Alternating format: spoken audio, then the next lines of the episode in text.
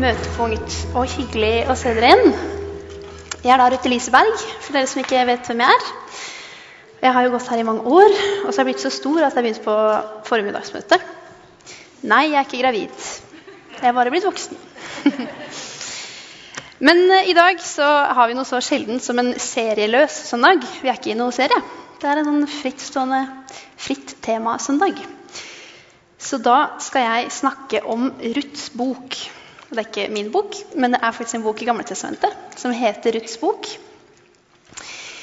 Og fordi Da jeg var sånn åtte-ni år, da fikk jeg min første bibel av mamma og pappa. Og Jeg hadde lenge hatt lyst til å lese hele Bibelen og lese alle fortellingene i Bibelen. Og det var et veldig overkommelig prosjekt, for det var en barnebibel jeg hadde fått. Men det var én fortelling jeg hadde gledet meg spesielt mye til å lese. Og det var fortellingen om Ruth. For jeg hadde nemlig tenkt at siden jeg også heter Ruth, så var den fortellingen litt sånn spesiell til meg. At Gud hadde kanskje en beskjed til meg i den fortellingen. Jeg er veldig pinsevenn, som dere merker. Men da jeg leste Ruths bok, så ble jeg kjempeskuffa. For det første så skjønte jeg ikke halvparten av hva som skjedde. Og for det andre så var det ikke et eneste mirakel. Ikke noe røst fra himmelen, ikke noe spennende naturfenomen. Det var kjempekjedelig. Så jeg skjønte ikke hva den fortellingen gjorde i Bibelen. i det hele tatt. Så enten hadde ikke Gud noen beskjed til meg i den fortellingen, eller så var beskjeden at livet med Gud er kjempekjedelig. Og med dette som bakteppe så skal vi nærme oss Ruths bok. For hva kan vi ta imot, og hva kan vi lære av en fortelling som tilsynelatende ikke handler noe som helst om Gud? For Gud gjør sjokkerende lite i denne fortellingen her. Og Ruths bok er en fortelling om to damer som mister alt de eier, og satser det lille som er igjen, på et nytt liv i Betlehem.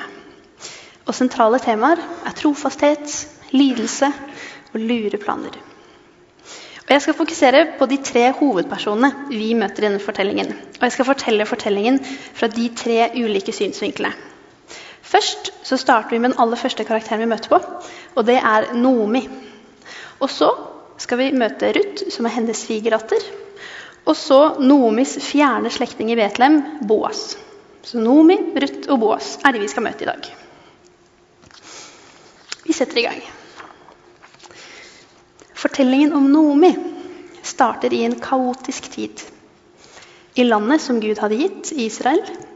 I byen som skulle være trygg, Betlehem. Og blant folket som Gud skulle passe på, jødene. Og vi møter Naomi mens hun er midt i livet, og alt begynner å rakne. Hun er gift, hun har to sønner, og bedre stilt i et patriarkalsk samfunn kan man ikke stå. De bor i Betlehem, men landet er rammet av hungersnød, og folket lider. Mannen til Nomi, eller Melek, han tar med seg henne og de to sønnene hennes til det uglesette nabolandet Moab. Ikke får de manna fra himmelen, og ikke får de noen trøstende ord fra en profet. Dette kaoset her får de ordne opp i sjøl. Men flukten til Moab blir bare begynnelsen på en lang rekke slag i ansiktet for Naomi. Mannen hennes, eller Melek, dør. Sorgen er stor, men heldigvis har hun to sønner som kan passe på henne. Hennes drøm om å videreføre familiens jødiske tradisjon og tro den går i knus fordi sønnene hennes gifter seg med moabittiske kvinner, ikke jødiske damer. Og drømmen om å videreføre slekten i det hele tatt, den står i fare for å bli knust, den òg. For damene blir ikke gravide. Og katastrofen blir komplett når begge sønnene til Nomi dør.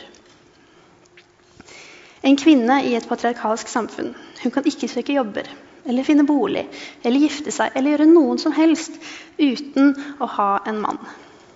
Har du ikke en far, så må du være gift. Er du ikke gift, så må du ha en sønn. Og hvis du er en farløs enke uten barn, da er du svært utsatt. Og Noomi hun har nå falt utenfor samfunnets ordninger for en kvinne. Og hun står igjen nesten helt uten rettsbeskyttelse. Men hun hører rykter om at Gud har gitt mat til hjemlandet hennes. Så hun bestemmer seg for å dra tilbake. Orpa og Ruth, de to svigerrøtrene hennes, de følger henne på veien, for det er farlig for en dame å reise alene på den tida. Men etter et stykke så ber Noomi dem om å dra hjem igjen, og hun er tydelig i sin tale. Vend tilbake, mine døtre. Hvorfor vil dere være med meg?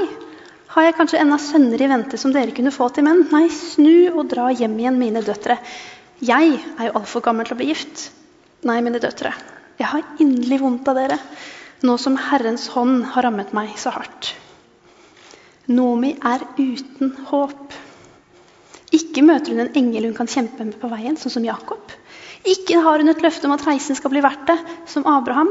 Nei, Gud, han glimrer med sitt fravær. Men likevel så får Nomi øye på Gud i kulissene. Men den hun ser, er en pøbel som drar ned sceneteppet for livet hennes. Orpa, den ene svigerdatteren, hun drar hjem igjen. Men Ruth overrasker. Hun nekter å dra, hun ville bli. Nomi forsøker så godt hun kan å overtale henne til å dra, men Ruth trikkes ikke. Hun skal være med til Betlehem. Og De to damene ankommer Betlehem. Og Noomis tidligere nabokoner de roper etter henne. Men da sier Noomi hardt, 'Nei, ikke kall meg Noomi. Kall meg heller Mara.' For den allmektige har gjort livet meget bittert for meg. Jeg var rik da jeg dro bort, men Herren har latt meg komme fattig tilbake. Hvorfor kaller dere meg Noomi når Herren vitner mot meg, når den allmektige har ført ulykke over meg? Noomi, det betyr lykkelig eller vakker. Og Mara, det betyr bitter. Og dette her, folkens, det ringer en bjelle. Det er nemlig en annen fyr i Gammeltestamentet som klager over livets bitterhet. Jobb, god gamle Jobb, han sier så sant den allmektige lever, Han som ikke lar meg få min rett, Gud som har gjort meg bitter. Nomi, hun er dermed den kvinnelige jobb. Hun mister alt hun har, men er likevel vendt mot Gud, dog med en klage. Det nye livet i Betlehem er vel så ille og hardt som det i Moab. Det virker nesten som Noomi har gitt opp, for det er Ruth som tar initiativ til å skaffe mat Ruth hun drar til en åker for å sanke det lille som er igjen etter at arbeidsfolkene har vært der. Nomi hun vet godt hvor lite mat det er snakk om, og hvor farlig det er for Ruth. Men har de noe valg? Når arbeidsdagen er over og Ruth kommer hjem, så får Naomi seg en stor overraskelse. For Ruth hun kommer ikke hjem bare med en liten porsjon, sånn at de kan overleve til neste dag. Nei, hun kommer hjem med så mye mat at de kan være velfødd i mange uker framover. Og når Ruth forteller at hun har vært i åkeren til en fyr som heter Boas, da bryter Naomi ut. Velsignet være Han av Herren, som ikke har tatt sin miskunnhet bort fra verken de levende eller de døde. Nå er det et viktig spørsmål. Hvem er det Naomi snakker om? Velsignet være Han av Herren. Snakker hun om Boas? Men kan Boas være en som velsigner både døde og levende? Dette er sånne spørsmål som teologer holder på med. Kan dette være snakk om begge? Har Nomi fått øye på Gud i dette lille hverdagslige øyeblikket som å få nok mat? Guds trofasthet var på ferde, og Nomi fikk øye på det. All hennes tid i mørket har gitt henne øyne som ser det som lurer seg i skyggene. Like lite som Nomi trodde på tilfeldigheter da katastrofen rammet henne, så tror hun på tilfeldigheter da Ruth tilfeldigvis havnet i Boas sin åker. For Boas han er en av de eneste mennene i hele Israel som kan gjøre livet deres bedre. Og med nytt håp så sender Noomi Ruth tilbake igjen, og resten av høsten så er de mette og trygge. Og med ny giv og energi så legger hun en plan for å sikre Ruth sin framtid. For Noomi vet godt at når høsten er over, da vil de igjen være sultne, og Ruth vil igjen være utsatt for overgrep og overfall. Det eneste håpet det er et patriarkalsk samfunn, er å få Ruth gift. Boas skal holde en fest for en vellykket høst. Og Nomi har lagt en plan. Hun mener at Ruth skal gjøre sitt store framstøt på den festen. Så hun sier til Ruth Dette er litt morsomt. I natt er Boas på treskeplassen. Du må vaske deg og salve deg og kle deg. Gå så ned til treskeplassen, men la ikke mannen få se deg før han er ferdig med å spise og drikke. Når han legger seg til å sove, må du merke deg det stedet der han legger seg. Gå så bort og legg deg ved føttene hans, så vil han selv si deg hva du skal gjøre. Det er litt risky og morsomt opplegg, det her. Morgenen etter så kommer Ruth hjem igjen. Og hun har gode nyheter. Ikke bare vil Boas gifte seg med henne. Nei, Boas vil også kjøpe løs, nei, løse ut den lille jordlappen som Noomis slekt eide for lenge, lenge, lenge siden. Som var deres eneste, siste håp for å få en fremtidig økonomi. Og Fortellingen om Noomi avsluttes så vakkert med et bilde av en gammel dame med en baby i armene. Babyen er Obed, sønnen til Ruth og Boas. Og Ruth gjør Noomi til fostermor for gutten. Nabokonene de som ropte på henne da hun kom til Betlehem, de ser på henne, og så sier de Måtte denne sønnen bli navngjetende i Israel. Han skal gi deg ny kraft og sørge for deg i alderdommen. For din svigerdatter har født ham, hun som er så glad i deg, og som er mer verdt for deg enn sju sønner. Noomi kom til Betlehem og erklærte at hun var fattig. Nå ser nabokonene på henne og kaller henne rik. Men vent litt. Ruth var hos Noomi da hun kalte seg Mara og sa hun var fattig. Og nå kaller de henne rik, ikke fordi hun har fått en svigen av et barnebarn, men fordi Ruth er der. Pga. svigerdatteren hennes. Noomi hadde visst vært rik hele veien. Hun hadde ikke mistet alt. Alt var ikke bare kaos. For midt oppi alt dette så hadde Gud gitt henne et løfte og gitt henne en trøst ved Ruth. Og Noomi det er en fortelling som høres litt ut som en dame som Gud straffer, og som ved egen klokskap finner ut av ting, og så blir livet bedre. Men hvis vi ser litt nærmere etter, så oppdager vi en Gud i kulissene. Nomi hun så en fyr som vandaliserte alt hun elsker. Men når lyset slås på etter siste akt, så ser vi en Gud som sendte henne engel ved Ruth, som ga henne et løfte gjennom Ruths trofasthet, en frelser gjennom Boas, og en håpefull framtid gjennom Obed. Og det er et nydelig sitat som sier en trist fortelling har ingen lykkelig slutt. Men en trist fortelling kan være utgangspunktet for en ny begynnelse. Og Nomi hun har mistet mannen sin og de to sønnene sine. Hun kommer selvfølgelig til å se verden gjennom et slør av tårer for resten av livet. Men det er også gjennom tårer hun oppdager Guds trofasthet i disse tilsynelatende tilfeldige hendelsene og møtene. Hun trodde Gud straffet henne, men Gud var opptatt med å frelse henne. Og ut fra hennes lidelse og smerte så vokser det fram en ny begynnelse på en ny slekt. På samme måte som Nomi så møter vi Ruth mens hun er midt i livet.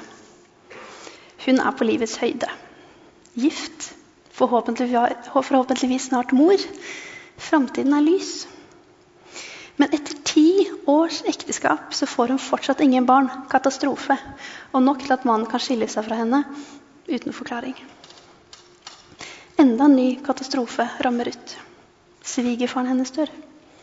Svogeren hennes dør. Og mannen hennes dør. Hun er knyttet til sin manns familie. Og hun kan ikke dra fra Nomi selv om hun skulle ønske det. Så når Naomi gir henne tillatelse til å dra hjem til sin egen familie og starte på nytt igjen, så er det en gyllen sjanse. Men Ruth hun nekter. Hun sier, 'Du skal ikke overtale meg til å skille laget med deg og dra hjem igjen.' 'For dit du går, vil jeg gå. Og du, der du bor, vil jeg bo.' 'Ditt folk er mitt folk, og din Gud er min Gud.' 'Der du dør, vil jeg dø.' Og der vil jeg begraves.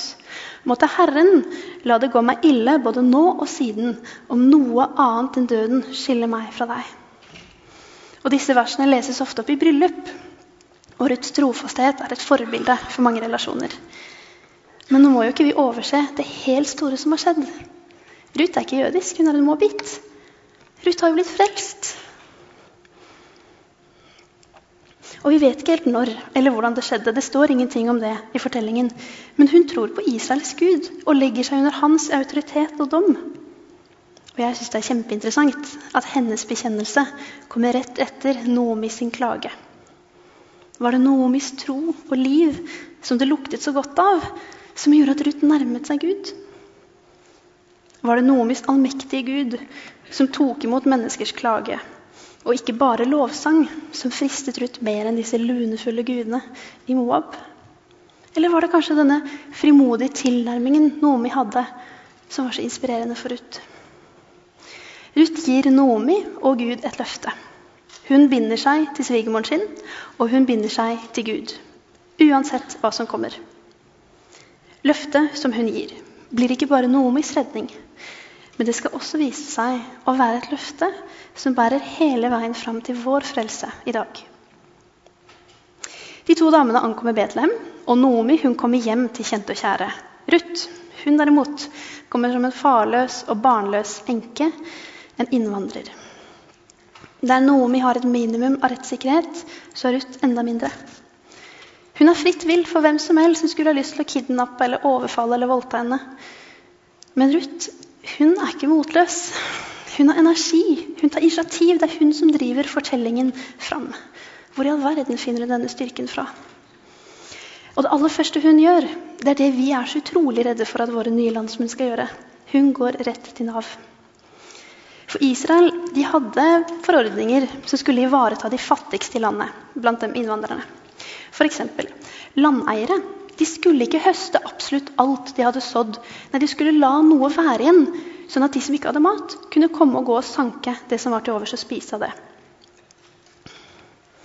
Og det var virkelig ikke alle landeiere som fulgte disse reglene. I hvert fall ikke rett etter en hungersnød. Og I tillegg så var det veldig farlig å sanke mat på denne måten. Fordi arbeidskarene som jobbet på åkrene, var kjent for å være lugubre typer. Kjempefarlig for damer å, seg, nei, opp, å oppholde seg på de datidens Nav-kontorer. Men Ruth hun drar likevel. Hun drar for å finne en åker. Og ved en tilfeldighet så havner hun i Boas sin åker. Det er en slektning av Noomis avdøde mann Elimelek. Og nå gjør Ruth noe ganske uventet. Vanligvis så skulle folk som henne gå helt på utkanten og i rekkene etter at arbeidsfolkene var ferdig, og på steder der arbeidsfolk vanligvis ikke gikk. Nei, Hun vet godt at hun ikke kommer til å få nok mat hvis ikke hun tar grep, hvis ikke hun finner på noe litt smart. Så Ruth hun er frimodig. Ja, nesten litt frekk. For det hun gjør, det er å se på lovens ånd, ikke lovens bokstav. Lovens ånd er mett de, mett de sultne. Lovens bokstav sier 'la dem få sanke'. Ruth vet det. Hun ser tydeligvis Guds hjerte. Hun vet tydeligvis sin egen verdi. Landeieren selv, Boas, kommer for å svare på Ruth sin frimodige forespørsel om ikke hun kan få lov til å gå sammen med arbeidsfolkene, sånn at hun får tak i mer mat. Og da sier Boas, hør min datter, gå ikke og sank aks på noen annen åker. Ikke gå herfra, men hold deg til tjenestepikene mine. Jeg vil si ifra til karene mine at de ikke skal røre deg. Boas vet hva som skjer. Og Boas han gir henne mye mer enn det hun ber om. Ikke bare skal hun få mat, men hun skal få trygghet. Hun skal få sikkerhet. Og Ruth blir overrasket og lurer på hvorfor han er så snill med henne. Og Da svarer Boas at han har hørt om hennes trofasthet mot Nomi og deres vanskelige situasjon. Så han sier, måtte du få fullt vederlag fra Herren, Israels Gud, når du nå har kommet til ham for å finne ly under hans vinger. Nei, vent nå litt. Hadde ikke Ruth bare gått til Boas sin åker for å finne litt mat? Hva har Guds vinger med dette her å gjøre? Nei. Vi finner ingen mirakler eller buldrende stemmer i denne fortellingen her. Men det er likevel en fortelling om en Gud som er fullt til stede i skaperverket sitt. En så ordinær handling som å lete etter mat. Det er å be om, lyd, be om ly hos Gud fra verdens kaos. Og en så liten tilfeldighet som å havne hos en trygg person, det er Guds trofaste vern. Når Ruth kommer hjem med den store fangsten og forteller noe om at Boas er, hennes, er denne mannen som har gitt henne all denne maten, så sier Naomi at Boas er deres løsningsmann. Og Dette var enda en sånn forordning for å ivareta de fattigste i Israel. Hvis en mann var nødt til å selge landet sitt, så var hans nærmeste slektning forpliktet til å kjøpe det av ham. Og det var for å garantere at ikke hele slektet kunne gå til grunne. Elimeleks slekt de hadde fortsatt noe land igjen, og hans nærmeste slektning var derfor forpliktet til å kjøpe det lille landet. Det kunne løse ut eiendommen hans og sikre hans gjenlevende slekt, altså Naomi og Ruth, trygge økonomiske utsikter. Og Hvis dette hadde vært en tegneserie, så tror jeg Ruth nå hadde fått en sånn lyspære over hodet. Aha, Boas er Naomis løsningsmann. Hvis Boas kunne kjøpe Elimeleks land, da ville Nomi bli sikret. Nomi derimot, hun er mest opptatt av Ruth sin framtid.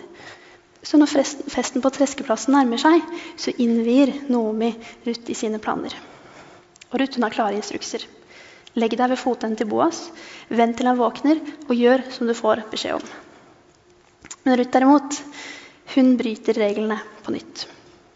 Og på nytt så viser hun mot og handlekraft og kvinnelist. Hun legger seg ved Boas, venter til han våkner, ja, men hun venter ikke på at han skal fortelle henne hva hun skal gjøre. Istedenfor så gjør hun noe hårreisende. Noe vanvittig. Noe helt sykt. For Boas han spør, når han våkner og merker at det er et eller annet menneske der, så spør han hvem er det som ligger her i senga mi. Og da svarer Ruth. Det er Ruth, din tjenestekvinne.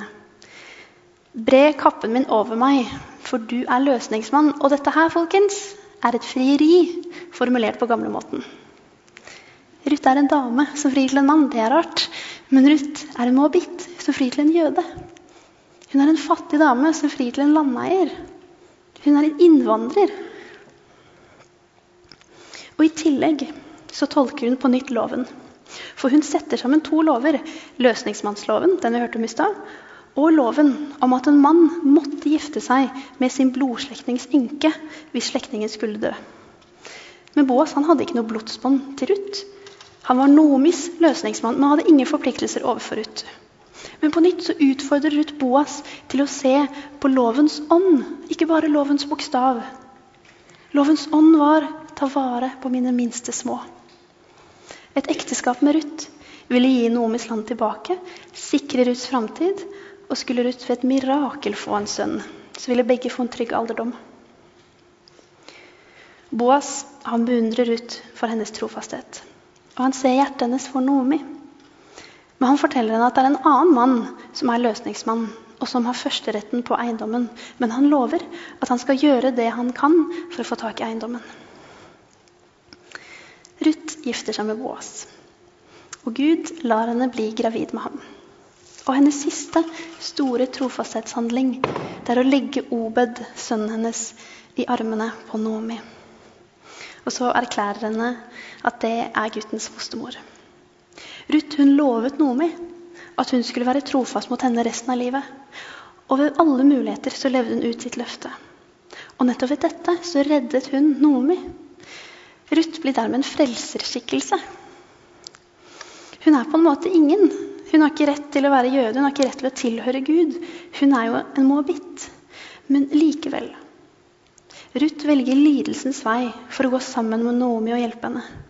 Ruth setter seg selv i fare for å redde Noomi fra en sikker død. Kan dette minne oss om noen? Og når Ruth får et barnebarn, altså når Obed får barn, så er det ingen ringere enn kong David den store, som igjen blir forfaren til Jesus. Og Jesus, det er han som frelser oss. Ruths lille trofasthet overfor Nomi blir store handlinger i Guds plan. Og den planen spenner så mye videre enn det hun hadde trodd. Jeg blir oppmuntret av å se denne dama her, Ruth. Hun tar grep om eget liv, midt i alt kaos. Og jeg blir enda mer oppmuntret av å se at Gud ikke krever en tanketom eller resignert overgivelse. Men han er stor nok til å lede oss, også når vi leder oss selv. Og tenk at våre valg, både store og små, kan bety noe i den store sammenhengen. Så er det da sistemann, Boas.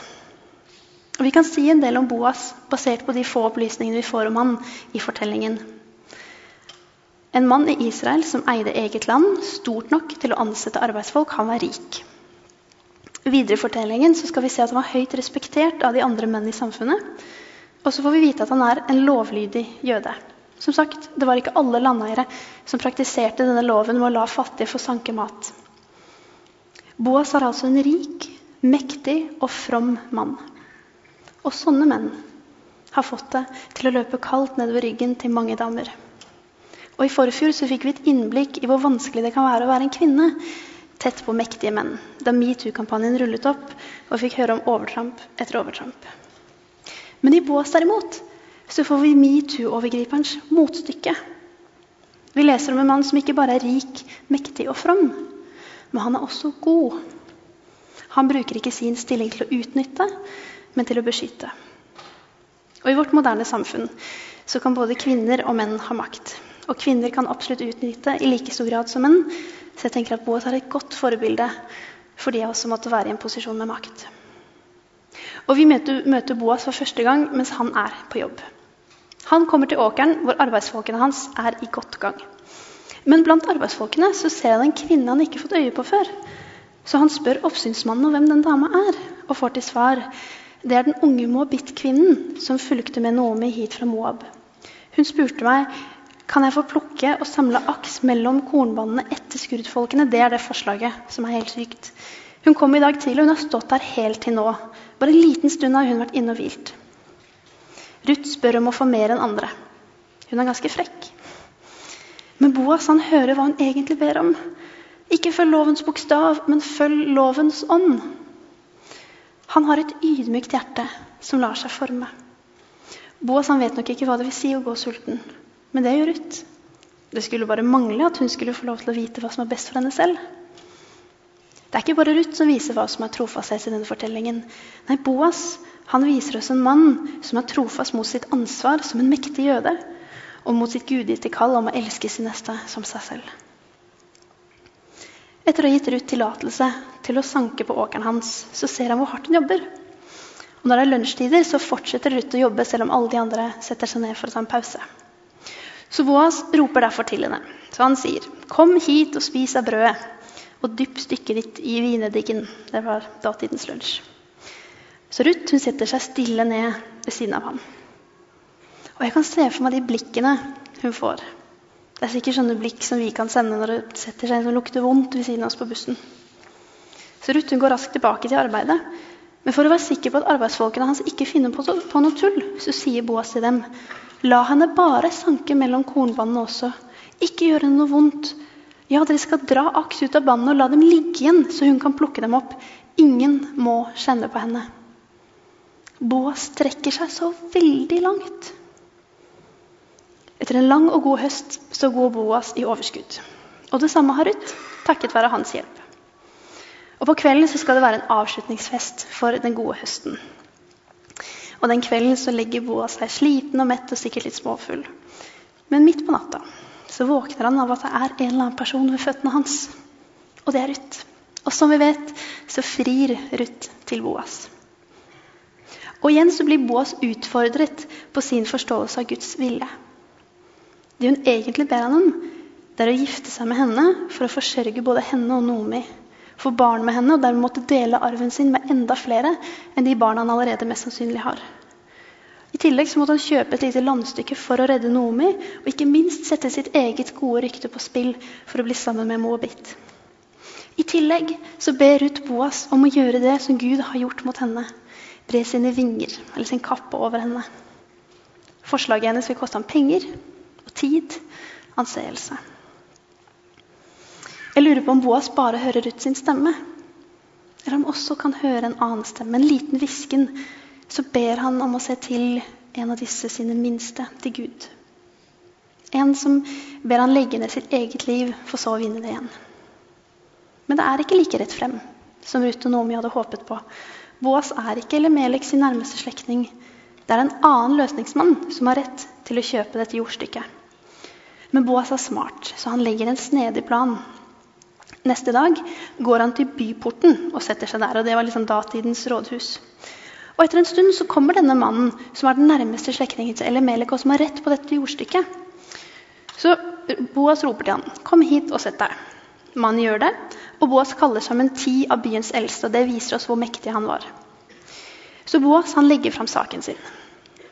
Nomi har kommet tilbake fra Moab, og hun vil selge jordstykket som tilhører vår slektning Elimelek.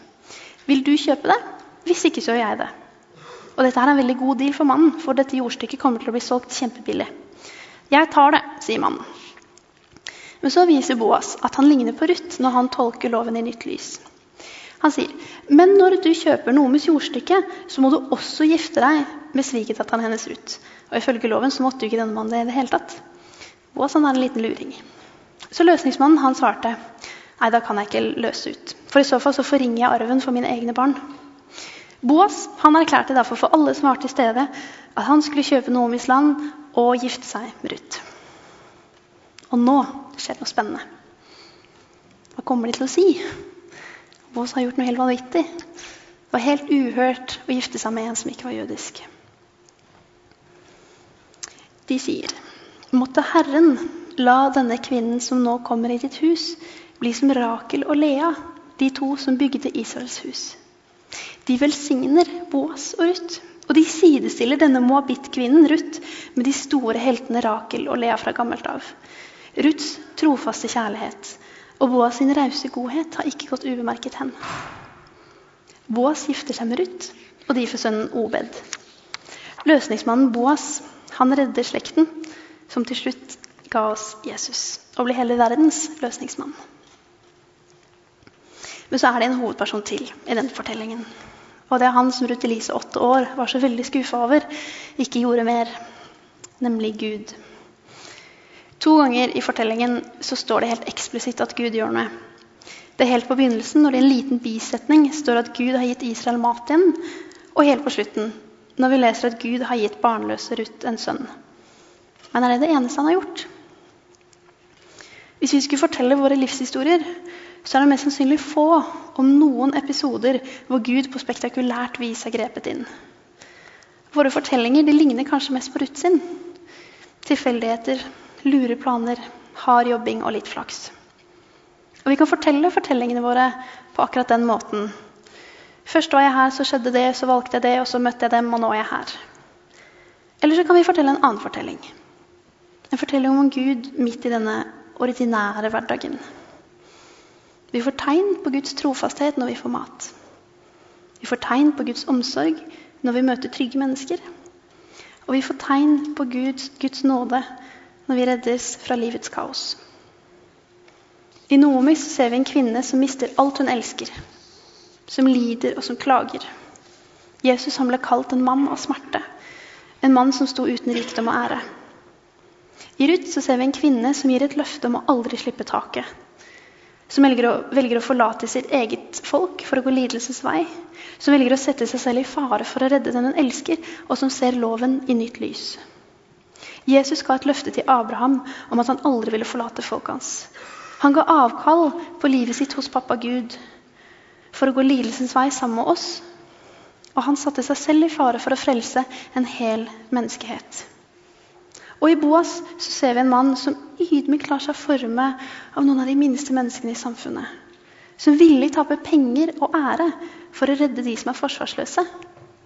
Og som kjøper fri fattige. Gud, eller Jesus, han pekte på hvordan de minste i samfunnet kan vise oss viktige sannheter. Han valgte bort status og ære for å gi verdighet til de verdeløse. Og ved korset så kjøpte han oss alle sammen fri til et evig liv med ham. Og dette, mine damer og herrer, er fortellingen om denne ukjente, men ikke uviktige Ruth. Vi avslutter med å be. Takk, Jesus, for at vi, akkurat som Ruth og Naomi og Boas, er omsluttet av din nåde og kjærlighet. Takk for at vår grå hverdag, som av og til er kjempefin og spennende, og som av og til er helt forferdelig, den finner sted midt i ditt skaperverk. Jeg ber om at vi må få øye, øyne som ser, som ser din trofasthet i de små øyeblikkene, som ser din nåde i de små øyeblikkene, som ser din godhet i de små øyeblikkene. Jeg ber også om at du må gi oss nåde til å være trofaste, til å være gode. Det er ditt navn ber, Herre. Amen.